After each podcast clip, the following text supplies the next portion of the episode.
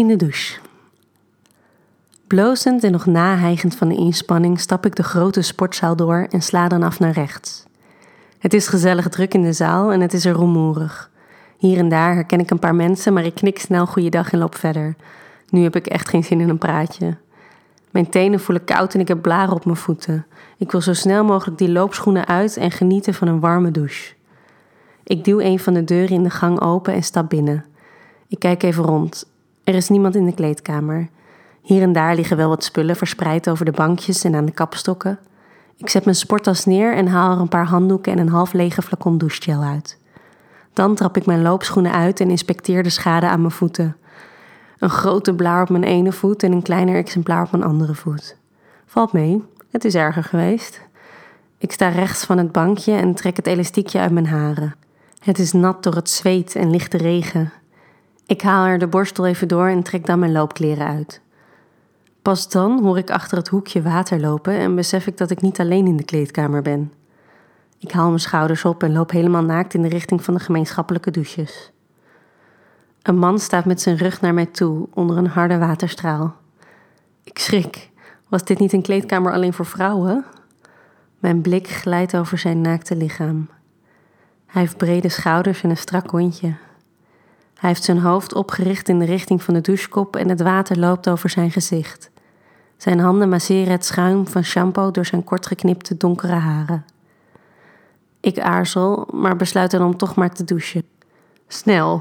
En dan snel een handdoek om me heen te slaan en het toilet binnen te vluchten om me daar verder af te drogen en gewone kleding aan te trekken. Ik kies de douche uit die het verst van hem verwijderd is en duw op de knop.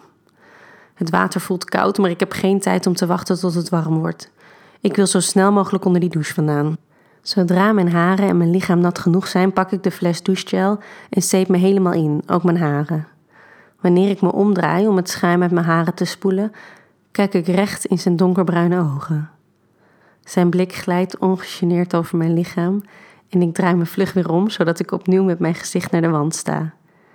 Ik haal gejaagd adem en voel in mijn buik een gevoel van spanning opborrelen. Het verwart me. Ik zou verwachten dat ik me ongemakkelijk zou voelen en hier zo snel mogelijk weg zou willen. Maar de realiteit is dat ik me geflatteerd voel, dat een man de moeite doet om mijn lichaam op die manier te bekijken. Ik overweeg om me opnieuw om te draaien, zodat hij opnieuw de voorkant van mijn naakte lichaam kan zien. Ik voel de druk tussen mijn benen toenemen als ik diep ademhaal en een halve draai maak. Hij staat nog altijd op dezelfde manier naar me te kijken, heeft ondertussen de douchestraal afgezet.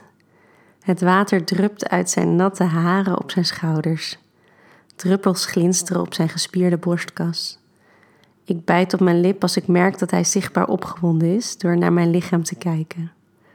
Zijn penis is stijf en ik zie dat hij intiem geschoren is. Mijn blik blijft een paar seconden hangen en wanneer ik hem terug in de ogen kijk, zie ik een trotse grijns op zijn gezicht. Zijn erectie is groter dan gemiddeld en dat weet hij. Terwijl het laatste beetje schuim van mijn lichaam wordt gespoeld, zet hij een paar stappen in mijn richting. Ik voel hoe mijn hart sneller gaat kloppen van opwinding. Hij duwt me tegen de douchewand en plant zijn lippen op de mijne. Ik voel zijn stijve geslacht tegen mijn onderbuik duwen en ik kreun. Zijn tong gaat op zoek naar de mijne en ik hap naar adem als hij met zijn grote handen mijn borsten vastpakt. Ik laat mijn handen glijden over zijn armen en schouders, slaat daarna mijn armen om hem heen. Hij is één massief brok spieren. Zijn armen, zijn borstkas, zijn benen, allemaal spieren. Hij eist mijn mond helemaal op, dwingend en onweerstaanbaar. En ik kreun. Zijn ene hand omklemt nog altijd een van mijn borsten, terwijl zijn andere hand ondertussen de weg tussen mijn benen heeft gevonden. Ik zet mijn benen wat verder uit elkaar als ik voel hoe hij met zijn vingers mijn schaamlippen uit elkaar duwt. Eén vinger glijdt ertussen en gaat een paar keer heen en weer.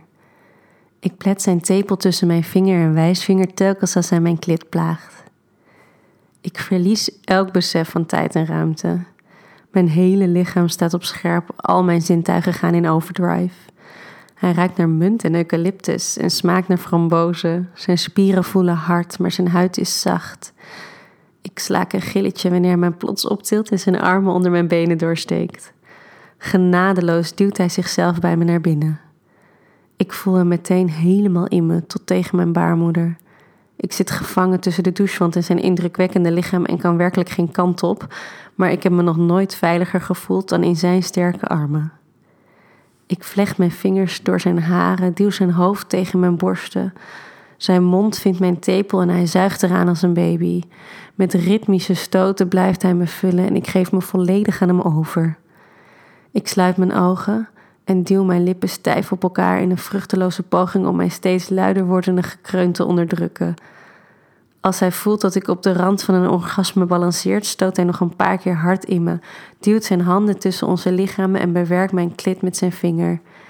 Ik schreeuw als mijn inwendige spieren samentrekken en een tsunami van warmte en genot over mijn hele lichaam trekt. Hij houdt me nog even vast terwijl ik aan het bijkomen ben. Zijn warme adem strijkt langs mijn nek. Dan zet hij me voorzichtig weer met mijn voeten op de grond. Zijn erectie is zo mogelijk nog groter dan daarnet. Hij kijkt me met een donkere blik aan als hij zijn hand eromheen slaat en heen en weer beweegt over zijn eikel. Zonder echt te beseffen wat ik doe, ga ik op mijn knieën voor hem zitten en open mijn mond. Ik kijk hem uitdagend aan. Hij grijnst. Na een paar laatste lange halen komt hij schokkend klaar. Zijn sperma spuit recht in mijn mond. Ik sluit mijn ogen en slik. Terwijl ik weer rechtop ga staan, lik ik met mijn tong langs mijn lippen. Hij kijkt me aan. Die blik in zijn ogen interpreteer ik als bewondering. Als hij de douche is uitgelopen, neem ik mijn fles douchegel en zeep mee en stap ook de douche uit. Ik recupereer niet zo snel als hij van korte hevige inspanningen blijkbaar.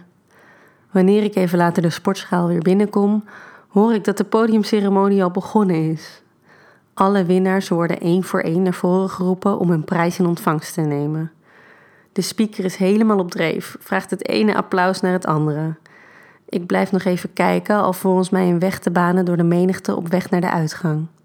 En dan zie ik plots hoe hij in de richting van het podium gaat. En deze man schoot vandaag voor het derde jaar op een rij opnieuw de hoofdvogel af in de categorie plus 35 jaar. Hij liep 20 kilometer in 1 uur, 5 minuten en 5 seconden. Uw applaus voor Lander van Riet. Ik lach hardop. De hoofdvogel afgeschoten. Zoiets ja.